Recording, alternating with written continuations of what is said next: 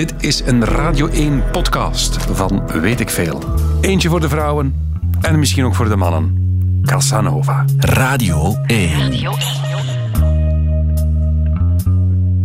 Weet ik veel met Kopen Ilse. Goedemiddag. We hebben het deze week nog niet gedaan, dus we gaan beginnen met een streepje poëzie. Ongrijpbaar en niet te voorspellen. Het treft ons allen keer op keer. Je voelt je ademhaling versnellen. Weg is al die opgebouwde afweer. Je gedachten maken overuren. In je dromen is het allemaal al waar. Weg zijn al je kleine kwetsuren. Jullie zijn het perfecte paar. Plots, in een opwelling, spreek je jouw geliefde aan. Je begeeft je op een gladde helling en de tijd lijkt even stil te staan. Het gesprek komt moeilijk op gang en het zweet breekt je aan alle kanten uit. Van binnen ben je doodsbang, maar plots komt er een gevoel van binnenuit. Ga ervoor klinkt een stem in je hoofd en opeens is alles wat je zegt juist. Alle schaamte is gedoofd. Weet dat er ook in jou een ware Casanova huist. Poëzie. Over Casanova. En daar gaat het vandaag over. Bij mij, professor Sabine Verhulst. Mevrouw Verhulst, professor Sabine. Ja. Welkom. Goedemiddag. Het gaat vandaag over Casanova. Wij kennen hem allemaal als een soort cliché. Als een vrouwenmagneet, een verleider. Maar hij is meer dan dat. Hè. Ja, inderdaad. Uh, natuurlijk, in een cliché zit altijd een groot stuk waarheid. Hè. Een cliché komt niet zomaar uh, uit de lucht gevallen.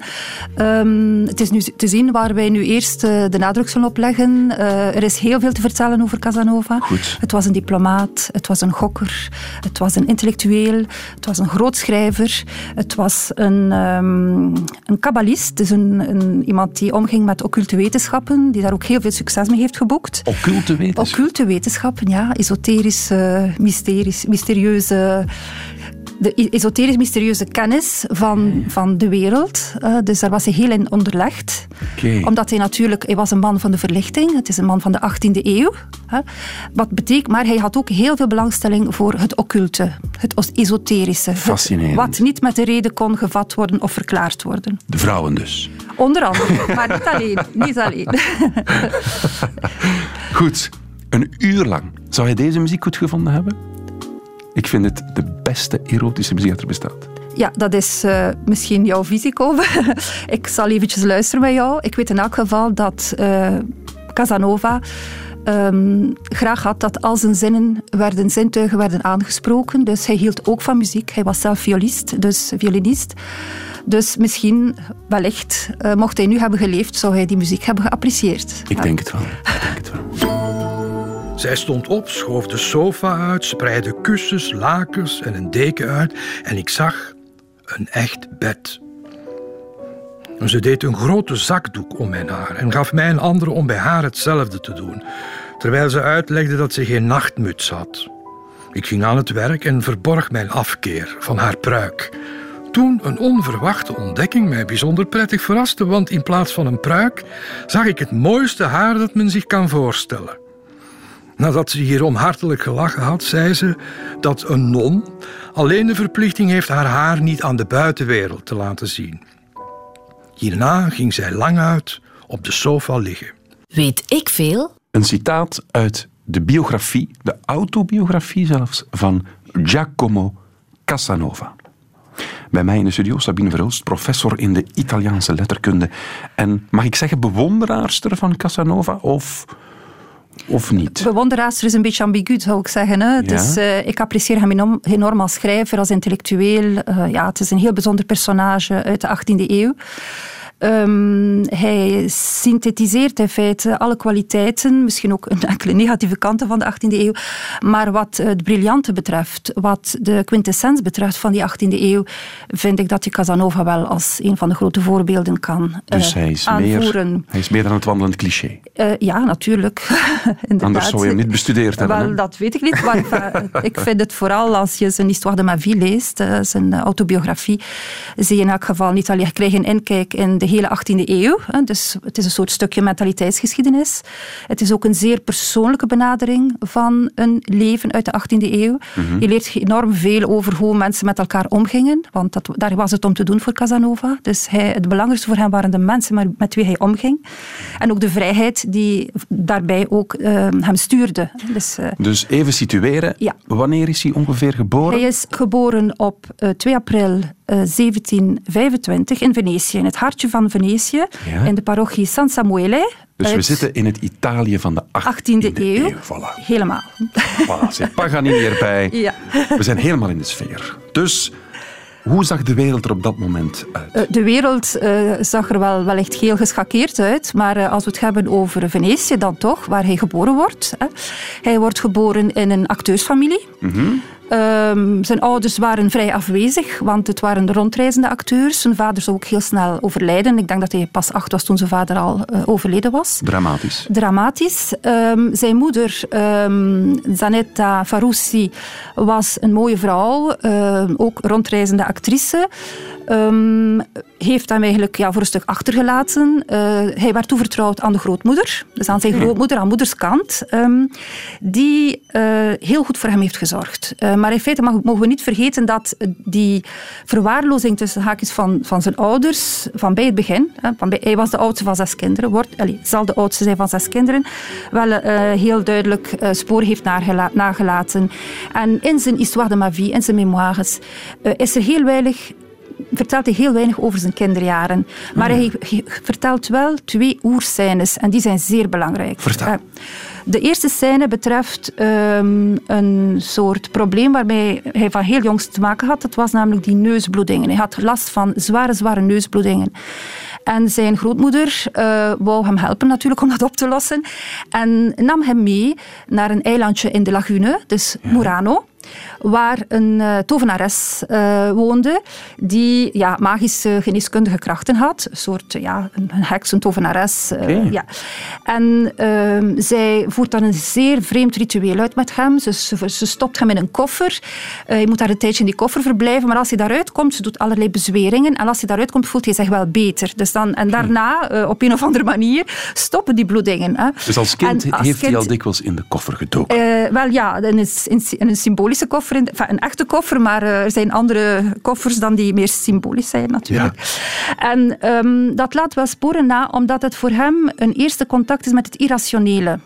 En uh, Casanova is een zeer nieuwsgierig man. Uh, dus de nieuwsgierigheid zal hem leiden in zijn leven. Dus al wat hij met zijn zintuigen, die hij alle vijf uh, ten gronde zal ja, exploreren.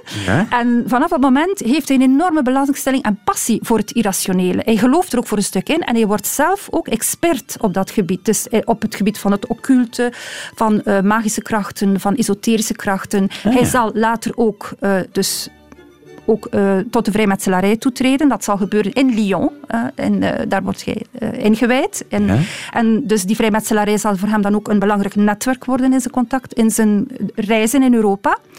Dus dat wat het irrationele betreft. Er is dan ook een tweede moment dat meer het rationele denken dan betreft. Want de beide zullen even belangrijk zijn voor hem. Dus hij sluit nooit iets uit en wil het allemaal zelf experimenteren. Het tweede heeft ook te maken met zijn jeugd.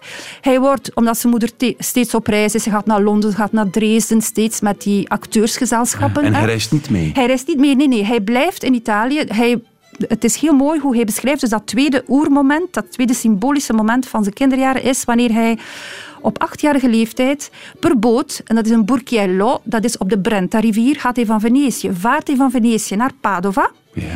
En een burchiello, dat is een soort um, ja, een huisbootje. Het is een platte boot met een huisje op, waarin hij die reis maakt. En hij ligt op zijn rug, dus hij maakt de reis liggend. En hij ziet de bomen bewegen. Dus hij denkt dat de bomen que gli alberi camminano, dat de, dat de, les arbres dat de bomen stappen. Ah, ja, ja. En dan legt men hem uit, nee, het zijn niet de bomen die stappen, jij, het, jij bent het die beweegt mee met de boot. En vanaf dat moment is hij enorm geïnteresseerd ook in redeneren. Het redeneren van waarom is iets zo en niet anders. Een filosoof. Kan, hij wordt filosoof, absoluut. Hij is ook filosoof eh, voor een groot stuk. Hij behoort eigenlijk ook tot de filosoof van de 18e eeuw. En dat moment beschrijft hij ook heel uitvoerig. Het is een soort poëtisch moment, hè, maar dat ook toegang geeft bij hem tot de kracht van van de reden. Wat kan je doen met redeneren om dingen te begrijpen. Dus je hebt van bij die jeugd, nu, hij, hij zet dat in scène in zijn memoires, die twee momenten van zijn kinderjaren. En hij gaat naar Padova om te studeren. Daar, hij gaat eerst bij een schoolmeester uh, in de leer. Um, en hij studeert zeer goed, is zeer leergierig. Hè. En dan uh, zal hij ook studeren aan de Universiteit van Padova, waar hij vrij jong, op 16-jarige leeftijd, in de rechten afstudeert. Wauw. Nu, dat was gebruikelijk. Dat was een genie ook dan? Wel, ja, in feite wel, want die man had ja, een enorme kennis van heel veel zaken. Huh? Uh, dat legt ook de basis voor zijn, een stuk, de retorische basis voor zijn schrijverstalent. Oké. Okay. En hij wordt dan advocaat in Venetië. Hij probeert als leerjongen in de advocatuur te gaan, maar zoals vele beroepen die hij zal uitvoeren, ja, zal dat ook niet uh, duurzaam zijn. Ja, ja. ja, laten we het even over de persoon zelf hebben. Ja. Fysiek. Fysiek, ja. Fysiek uh, was dat een zeer indrukwekkende persoonlijkheid. Dat blijkt, ja. Hij was zeer groot. Hij was een meter 87 groot. Oeh. Ja. Uh, hij was knokig. Um, hij had een uh, donkere teint.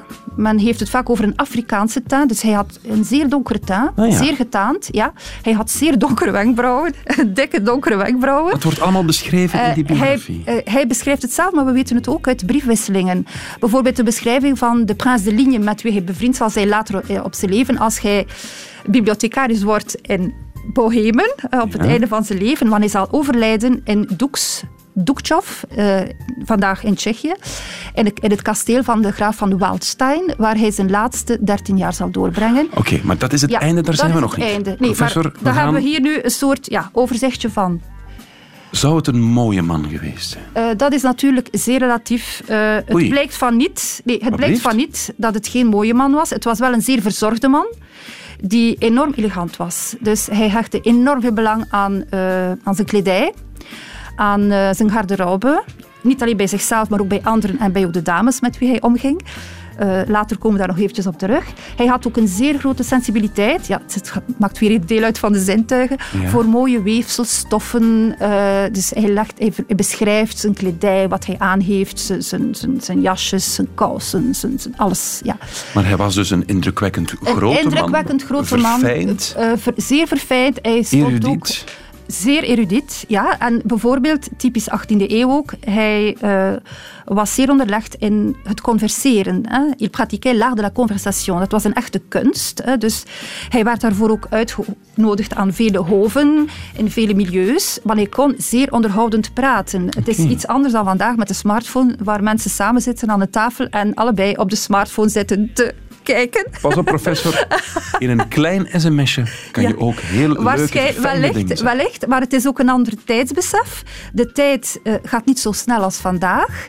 En men bouwt relaties op in de tijd. Langzaam. Hè, en men kijkt naar de dingen. Goed.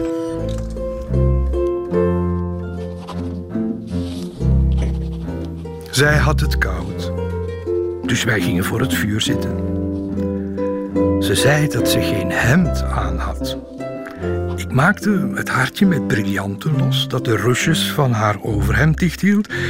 En nog voor mijn ogen ze konden zien, voelden mijn handen dat de twee levensbronnen die haar borst sierden, alleen door haar overhemd van de buitenwereld werden afgesloten. Ik begon aan te dringen, maar één zoen, twee woorden, waren voldoende om mij te kalmeren. Eerst souperen. Mooi. Alweer een citaat uit de autobiografie van Giacomo Casanova. Bij ons professor Sabine Verhulst, professor in de Italiaanse letterkunde en connoisseur van de biografie van eh, Casanova. We hebben al geleerd dat hij in de 18e eeuw geboren is. Dat hij ook zal sterven in die 18e eeuw op 73-jarige leeftijd. Inderdaad. Dat hij ondertussen heel wat gedaan heeft. Hij heeft een niet wat ongelukkige jeugd gehad, want zijn ouders waren afwezig. Bij zijn grootmoeder opgegroeid, rechten gestudeerd. En dan is hij aan een trektocht begonnen door heel Europa. Professor. Inderdaad.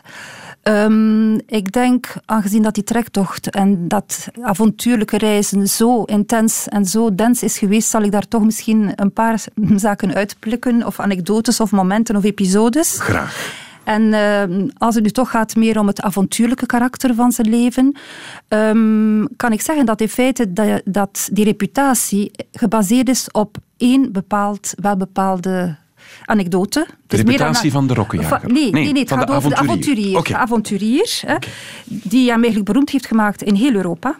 Mm -hmm. En dat is um, zijn ontsnapping uit de gevangenis van het Dogenpaleis. De ontsnapping, ontsnapping uit de gevangenis, uit de gevangenis van het Dogenpaleis. Vertel. Ja. Um, we hebben al gezien dat Casanova een zeer nieuwsgierig man was, zeer gecultiveerd, hield zich bezig met allerlei praktijken, ook occulte praktijken. -hmm.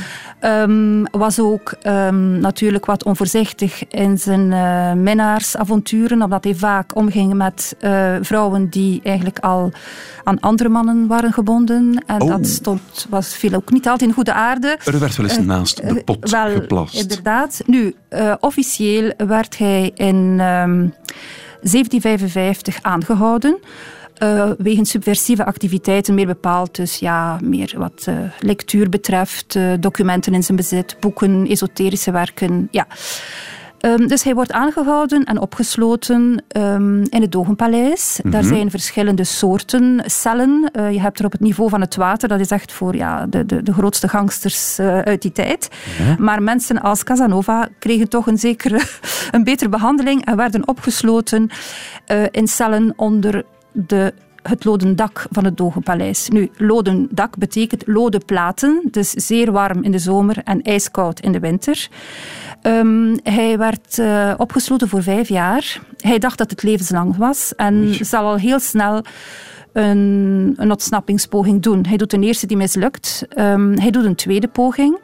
Uh, hij doet dat samen met een, um, een geestelijke, dus de abbé Balbi. Mm -hmm. uh, dus ze zijn complissen. Er waarschijnlijk zijn er nog medeplichtigen geweest die hem geholpen hebben. Nu, in elk geval, uh, hij slaagt erin om via allerlei listen Um, een gat te maken in het plafond van zijn cel. En hij vlucht samen met die Balbi op die gladde uh, loden daken, want de ontsnapping gebeurt in de nacht van 31 oktober op 1 november 1756. Okay. Hij ontsnapt. Uh, hij is koket, zoals we zien, heeft hij ook een paar nette kleren mee. Dus hij had zo'n bundeltje mee met zijn kleren. Dus hij, hij, beschrijft dat ook. Dus je ziet hoe belangrijk dat was voor hem om er altijd goed uit te zien. Verzorgd. En beneden, als hij beneden komt in het paleis, ziet hij er zo verzorgd uit dat de, de poortwachter hem gewoon naar buiten laat gaan, omdat hij dacht dat het een, een verloren bezoeker was van het paleis. Magnifiek. Ja, dan vertrekt hij samen met die man, met Balbi, uh, met de gondel. Nu, dat is, dat is natuurlijk zeer spraakmakend dat hij daaruit ontsnapt. En in feite moet hij dat telkens opnieuw vertellen. Dus uh, als hij reist door Europa, vooral Parijs, die hem enorm aantrekt. Dus hij gaat dan proberen carrière maken in Parijs, waar hij onder andere um, uh, samen met twee andere Italianen de, de loterij uit de grond stapt. Dus uh, de loterij, de Franse loterij in feite, gaat terug voor een stuk op. Hij heeft die opgericht? Ja, want hij, was, hij, had, hij had ook een wiskundig brein. Ja? Hij, kon, ja, hij was heel sterk in, in, in, in rekenen.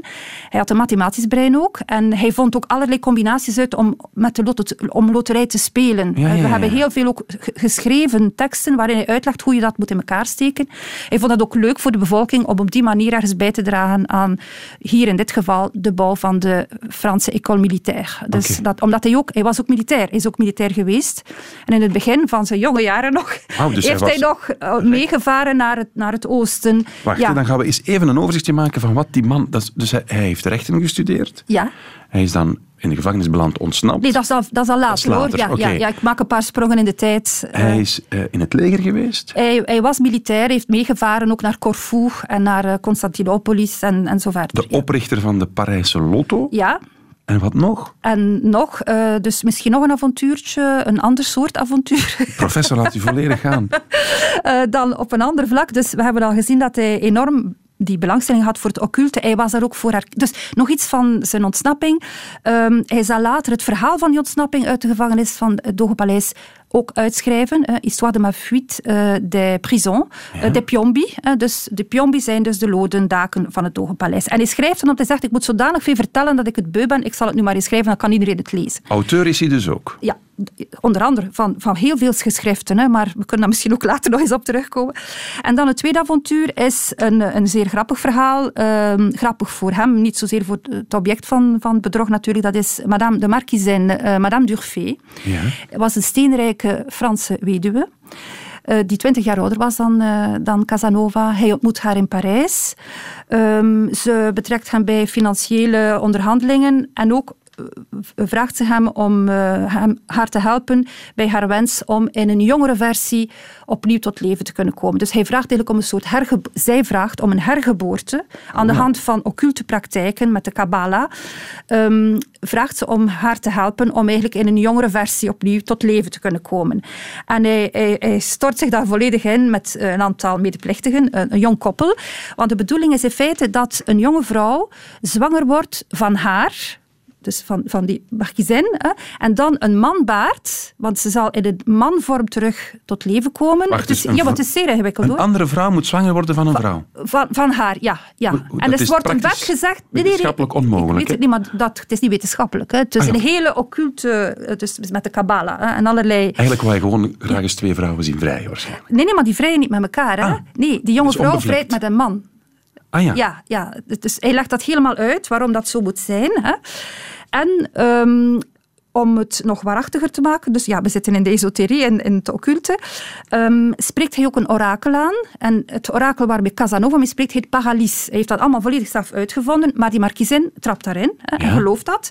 Het probleem is alleen dat binnen het bedrog nog een ander bedrog ontstaat, omdat de jonge vrouw die medeplichtig is van Casanova om dus zwanger te worden van die man, Andere hè, man, van, van ja, die man, ja, in feite hem verraadt Ai. omdat Casanova die jonge vrouw bedrogen heeft. Zij had juwelen ontvangen van die markiezin. Een prachtige partij juwelen. Casanova was dol op juwelen. Had ook altijd juwelen bij die hij ook schonk aan zijn eh, minnaressen, aan de vrouwen met wie hij dan omging. Eh, hij was ook een kenner van juwelen. En in plaats van die juwelen dus te geven aan die jonge vrouw, zijn medeplichtige, heeft hij ze voor zichzelf gehouden. En dan heeft zij hem natuurlijk verraden. En het gaat zo ver in het absurde dat ehm, Casanova zelf schrijft, of zijn orakel laat schrijven naar de maan. Dus de, de markiezin schrijft naar de maan, Selenis, om hulp in te roepen. Dus Van de maan? van de maan, ja. Om te kunnen herboren worden in die jongere versie. Had de man geen drankproblemen? Wie? Casanova? Ja. Nee, helemaal niet. Integendeel. Nee, nee, nee. nee, nee. Hij, hij genoot van eten en drinken en hij was zeer onderlegd ook op dat gebied. Hij, ja, zijn alle zintuigen dus. eh, hij at graag. Maar als je een brief wil schrijven naar de maan, Nee, dan maar ben je is- ver heen. Hè? Nee, nee, maar die, die, die markiezin geloofde dat. Ja, ja, maar Zij, nee, maar dat, dat werkte. Voor, wat voor hem telde, het, het gekste, eh, kon, kon erdoor als het maar werkte. Dus als hij een of andere list wou uitwerken, gebruikte hij alle middelen die bij hem in zijn geest, want hij had een zeer, zeer natuurlijk creatieve geest, een zeer inventieve geest. Schone en de mensen trappen... Ja, het, is, het was een schurk, hè. Het was Ja. ook een schurk. Maar zolang hij mensen en vond... bewondert die? Ja, maar, maar, nee, maar dat is kort door de bocht. Hè? Ik bedoel, je kan toch... eh, het is, je bewondert iemand voor een waaier aan zaken. En, en- en bewonderen is ook zo'n beetje ja, Nee, nee, u- een ja. banaal woord. Sorry dat ik het moet zeggen. Eh, bewonderen, ik bewonder de schrijver, ik bewonder het personage, ik bewonder het genie. Ja. Eh, tenslotte, je moet het maar doen om je levensverhaal eh, in 3700 bladzijden eh, op schrift te stellen in een prachtig Frans. Eh, dat is ook een meesterwerk uit de, litera- uit de Europese ge- literatuurgeschiedenis. Hè? U bent zichzelf aan het verantwoorden nu. Hè? Ja, inderdaad, maar je noopt mij daartoe, Kobe. Dus kort overlopen, rechtenstudent, militair, oprichter van de Lotto, een meester in de occulte sferen. Ja. Ik lees hier ook nog verkoper van Franse obligaties in Amsterdam. Ja, Hij is ook inderdaad. nog ambassadeur geweest, hij- auteur. Het Men was- vertrouwde hem heel veel diplomatieke missies toe ook, omdat hij natuurlijk, ja, hij sprak Frans. Het was toen de, ja, eigenlijk de diplomatieke taal van Europa. Ja. Ehm, hij was op zijn gemak in alle middens, hè, dus hij was een zeer goed spreker. Een- Hij kon ja, converseren als geen ander. Vergeet ook niet dat in die tijd converseren ook een tijdverdrijf was. Hè. Er was geen televisie, er waren zoveel dingen niet. Ja. En, het was nog- een, woord, een woordcultuur. Het is de tijd van het woord. En fabrikant van zeep. Ja, wel, hij was geen fabrikant van zeep. Hij had eno- eh, vandaag zou het een soort, eh, zou het iemand zijn Mark die Koeken. een heleboel start, eh, start-ups creëert. Hij had enorm veel ideeën om, om bedrijven op te richten, fabrieken. Onder andere wou hij een zeepfabriek in Warschau oprichten, omdat hij vond al die zwarte zeepen daar in Nederland en in Frankrijk, hij vond dat niet zo fijn. En hij dacht, kijk, ik doe hier een voorstel. Dat was ook altijd om ergens bij iemand in de gratie te komen en werk te hebben. Hè? Want die man was constant op reis of op de vlucht. Ook voor schulden, gokschulden heel vaak, hè, is een grote gokker. Dat zei, ik ga naar de bank eh, de Pharaon, dat is eigenlijk, eh, het, hij deed het Faro-spel, een zeer bekend spel die tijd, hè, in die tijd. Dus eh, ja, Maar hij, hij, ook in zijn Histoire de ma vie, in het voorwoord, zegt hij, kijk, ik verwijt niemand de tegenslagen die ik heb gehad. Hij assumeert alles. Het genieten van al mijn zintuigen was heel mijn leven mijn belangrijkste streven. Ik hield ook met overgave van een goed gedekte tafel en bovendien hartstochtelijk van alles wat mijn nieuwsgierigheid wekte. Ik heb van scherp gekruide gerechten gehouden, van macaroni klaargemaakt door een goede Napolitaanse kok, oglia potrida, gezouten kabeljauw uit Newfoundland, dichtgeschroeid wildgebraad en kaas die zijn volmaaktheid bereikt door de zichtbare larfjes die erin huizen. Het was duidelijk een fijnproever ook, die Casanova. Veel meer dan de man die we denken dat hij was. De vrouwenzot, de charmeur, hij is veel meer dan dat. Want we hebben al, welke jobs hebben we al gehoord? Hij was ambassadeur, fabrikant van zeep. Hij heeft rechten gestudeerd. Hij was filosoof, hield zich bezig met het occulte. Heeft ook nog verkochte, nee, hij verkocht ook Franse staatsobligaties in Amsterdam. En hij was ook nog bibliothecaris. Inderdaad. Uh, intellectueel. Intellectueel. Um, die rol of dat, die functie van bibliothecaris is eigenlijk de enige job, als we het zo mogen zeggen, uh, de enige echt betaalde job die hij lang heeft uitgeoefend. En dat was op het einde van zijn leven. Ja, eh, dus de, de, laatste dertien jaar van zijn leven um, heeft hij doorgebracht in uh, Duks, uh, mm -hmm. um, aan de voet van het Erzgebergte in, het, in het Tsjechië van vandaag, in het kasteel van graaf van Waldstein. Dat was iemand die behoorde ook tot het netwerk van vrijmetselaars, die hij frequenteerde, intens ook in Europa. Dat was voor hem ook altijd een, een toegang eh, een toegangsmogelijkheid tot verschillende middels in Europa. En die man heeft hem onder zijn bescherming genomen en heeft daar dus de laatste dertien jaar van zijn leven doorgebracht. Hij zorgt voor de bibliotheek van, uh, van Waldstein. Uh, het hoeft geen betoog dat Casanova natuurlijk een zeer groot lezer was. Hè. Um, hij ontfermt zich niet alleen over de bibliotheek, maar vooral um, legt hij zich toe op de redactie van zijn memoires. Dus hij zal die schrijven in doeks. Ah, oké. Als, bibliothecaris, als bibliothecaris schrijft ja, schrijft daar. Ja. Ondertussen heeft hij veel uh, ruzie met het huispersoneel in het kasteel. Uh, de graaf van Waldstein was vaak afwezig uh, voor allerlei politieke missies dan in Frankrijk. Um, en Casanova voelt de melancholie opduiken. Ja, het is al een oudere man aan het worden. En hij beslist dan om zijn memoires Histoire de ma vie te schrijven. Hij had altijd notities bijgehouden zijn hele leven, dus hij had alles op schrift staan al. En het interessante is, dat, heeft een, dat hebben verschillende mensen bestudeerd de Casanovisten, zoals men ze heet, de specialisten van Casanova. Casanovisten. Die, Casanovisten, ja, die alles natrekken. En uh, ja, alle muggenzifters te spijt, uh, veel, de meeste zaken zijn wel, wel juist. En men, gaat, men kijkt in archieven, in documenten, in bibliotheken, men trekt alles na, men controleert alles. Enfin, dit om te zeggen dat hij dus eh, beslist om die Histoire de ma vie te schrijven. En we hebben documenten waaruit blijkt hoe hij daaraan begonnen is. Want natuurlijk, dat zijn 3700 handgeschreven bladzijden. Waanzin, hè? Waanzin. En hij is begonnen met de personages, de mensen die hij heeft ontmoet. Dus dat is ook, geeft aan dat dat zo belangrijk was voor hem, die contacten. Hè? Ja. En het manuscript is na zijn dood uh, via een, uh, een neef terechtgekomen bij uitgever Brockhaus in Leipzig. Mm -hmm. En is in feite maar in de echte originele versie voor het eerst verschenen in 1960. Dan pas. Alle vorige uitgaven zijn geen correcte uitgaven. Zijn dus bijgewerkt. 70 jaar na Inderdaad, inderdaad.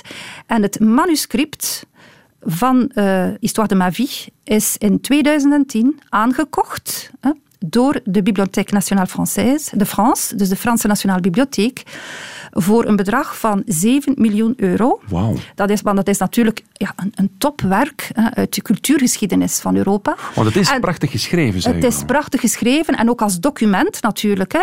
En uh, ik wil erbij zeggen dat een anonieme mecenas dat heeft betaald. 7 dus men weet niet euro. wie 7 miljoen euro. Wauw. Ja.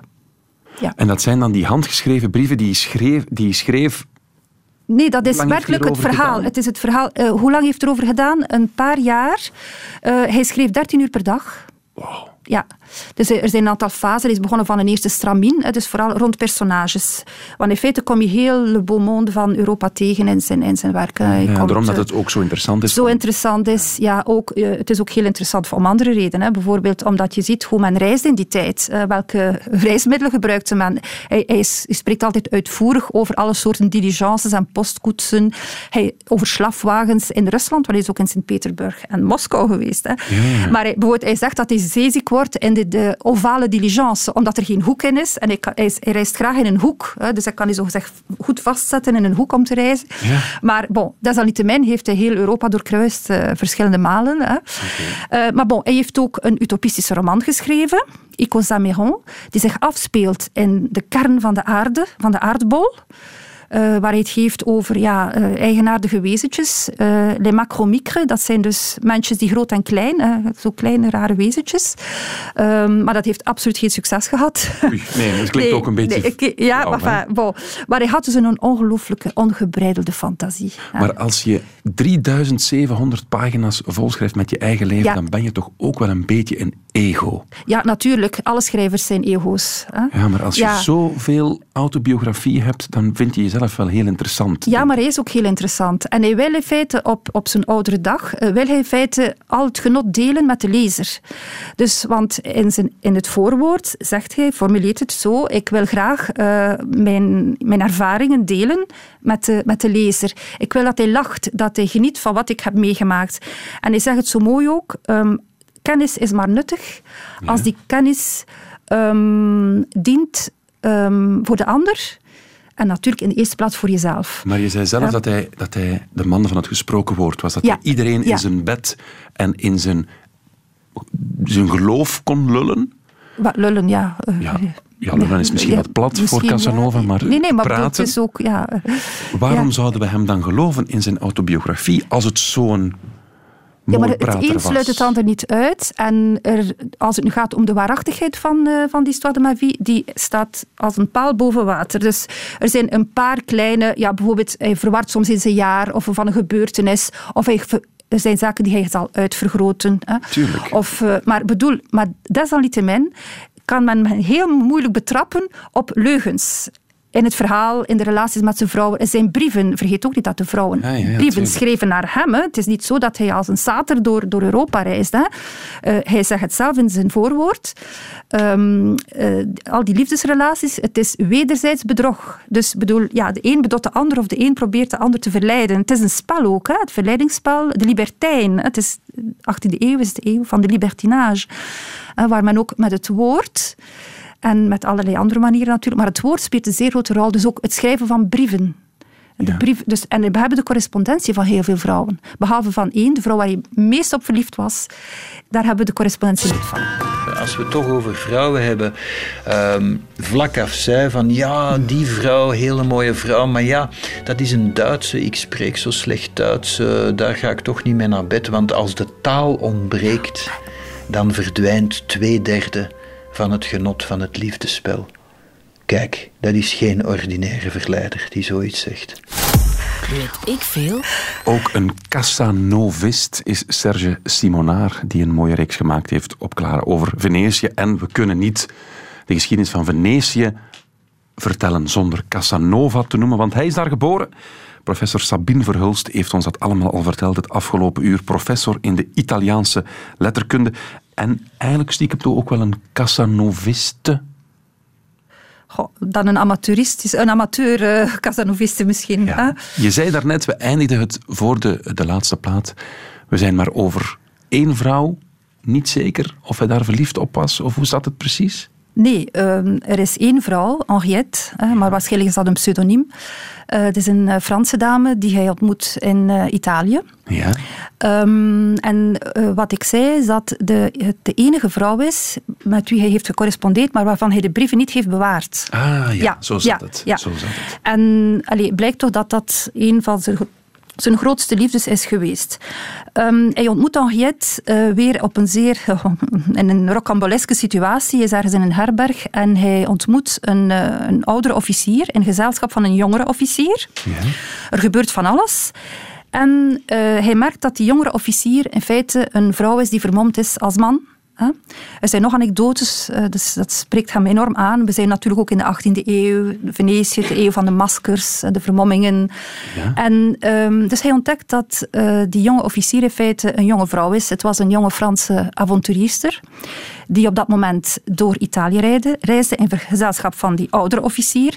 Nu, hij slaagt erin om haar te verleiden. Zoals heel vaak uh, snoept hij iemand af van iemand anders. Uh, dus dat is ja, heel gebruikelijk. Zo ging dat. Zo ging dat. Uh, en ik denk dat dat nu ook nog gebeurt. Is waar? ik, ik, denk het toch, dat dat nog altijd kan gebeuren. Hè? Nu, um, het mooie is dat hij bouwt een, een prachtig verhaal op. Ik, ik, verwijs nu ook naar de manier waarop hij het vertelt. Hè. het verhaal bouwt hij als volgt op. Dus hij slaagt erin om met haar alleen te vertrekken. Dus uh, ik krijg daar eens de goedkeuring om met haar verder in Italië te reizen, onder andere in Cesena. Later zal, hij haar ook nog ontmoeten in Genève, dat is dan het afscheid. Um, maar het mooie in het verhaal is dat hij haar meeneemt en haar omtovert van officier tot vrouw. Dus, en hij zal voor haar een hele harde robbe bestellen. Met prachtige kleren. Hij laat, dus, hij laat naaisters komen, kleren maken. Dus hij, hij, hij wil haar echt ja, in de watten leggen. En je ziet langzamerhand hoe hij dat beschrijft, hoe hij van haar, dus van die ja, vermomde jonge vrouw, een prachtige, ja, elegante dame maakt. En alle kledingstukken, dus hij beschrijft dat werkelijk in detail. Hè. Dus uh, de blouses. De, We gaan even die romantische sfeer een beetje accentueren. dus hij, hij, hij aanbidt haar. Hij aanbidt haar, En hij laat haar helemaal hij zorgt ervoor dat zij volledig, ja, een volledige outfit krijgt. Uh, met alle mooiste corsetages, alles wat je maar wil. Prachtig. Ja. En dat is die Henriette? Henriette, ja. Maar dat is waarschijnlijk niet de enige vrouw in de man zijn leven. Nee, dat is niet de enige vrouw. Hoeveel vrouwen heeft hij gehad? Weet Och, de cijfers variëren. Uh, dat gaat van gehad, ja, natuurlijk, wat betekent gehad? Hè? Dus, ja, dat is ook al... Maar uh, de cijfers variëren van 122 tot 140 nu. Um, er zijn, er, dan, zijn er dan die zeggen, ja, maar dat is maar drie per jaar. Enfin, en dergelijke rare redeneringen. Nu, ik zal het nu niet over getallen hebben, maar um, misschien uh, een leuke anekdote is een relatie met een uh, Amsterdamse jonge dame. Esther. Esther. Esther is waarschijnlijk ook een pseudoniem. Uh, Esther um, is de dochter van een bankier, van een Hollandse bankier. Uh, Casanova was naar Amsterdam gestuurd om een paar financiële operaties te regelen, want hij was heel goed. Ja, hij, hij speelde met geld, verloor geld, maar men vertrouwde hem wel. Dus ja. hij had een missie in Amsterdam. Een missie die ook weer, waarin het netwerk ook, uh, zijn vrijmetselaarsnetwerk ook speelde. Hij gaat er ook naar de loge in Amsterdam. Hè. Um, hij ontmoet die bankier, die heeft een dochter. Esther, een adolescente, maar een vrij, vrij gevochten jonge dame, die um, met hem meegaat naar het concert. Ze mag alleen met hem naar... Zij was toen adolescent, mag alleen in de 16, koets. 17 jaar. Ze was misschien nog iets jonger. Enfin, misschien, ja, bon. Um, zij gaat met hem mee en ze lacht er, ze grapt ermee. Ja, zegt ze, kijk, ik mag mee, ik ben ook niet bang van je. En wat vindt hij zo bijzonder aan Esther? Dat ze een vrijgevochten jonge dame is. Uh, natuurlijk, ze, is, ze, ze, ze, ze, levert zich niet over aan, aan hem, helemaal niet. Integendeel, ze, ze speelt, ze teest hem een beetje. Maar wat ze wel zeer goed kan, volgens Casanova, is kussen. Dus het is een, een, kussen, een kusfestijn. Ah, jongens, we zijn uh, ja, ja. Wacht. Het betreft hier wel een meisje van 15 jaar. Uh, ik, ja. Ik, we, gaan, we mogen daar niet te licht over gaan. Nee, nee, nee. Dus ja, we moeten nu... nee, nee, bon, ik zeg wat er staat. Ja. Hè?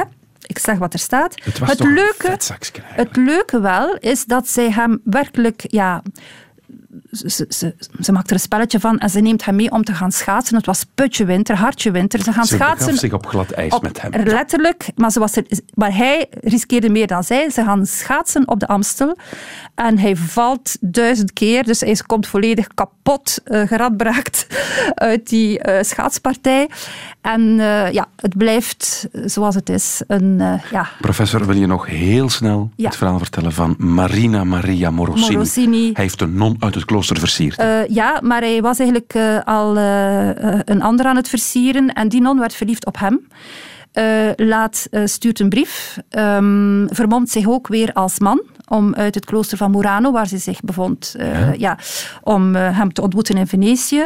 Het bijzondere is dat zij in feite al uh, verbonden was of gebonden was aan iemand anders, namelijk aan Pierre de Bernice. En Pierre de Bernice was een gezant uit Frankrijk, de ambassa Franse ambassadeur in Venetië. En wat hij oorspronkelijk wist, is dat de ambassadeur meegenoot van de, liefdes, het liefdespel met de mm -hmm. kloosterlingen. En hij genoot mee van achter een, een, een wandtapijt uh, waar gaatjes in zaten. En dan vernam hij dat in feite ja, We gaan er heel- een getuige was. Ja. We gaan snel aan die quiz beginnen, want Ja. het einde nadert jammer genoeg nu we het net over voyeurisme hebben. Een snelle vraag, professor. Hoe werd Casanova als kind behandeld voor neusbloedingen? Door het occulte. Maar hoe, dat weet ik niet meer precies. Zeg eens. Eh, hij werd behandeld, hij werd opgesloten in een koffer. Juist, dat Ja. was het. Nog een vraagje? Op welke leeftijd studeerde Casanova af in de rechten? 16. Ja, En nog een laatste vraag. het antwoord. Waar schreef hij zijn memoires? In eh, het kasteel van een goede vriend van hem in Tsjechië, waar hij bibliothecaris was. In Bohemen, ja. Voilà, twee op drie. Ja. Daar kunnen we mee leven. Hoe, hoe, dat was weet ik veel over Casanova. Bijzonder interessant, dankjewel. Radio 1. Weet ik veel? Dit is het einde van deze podcast van Weet ik Veel.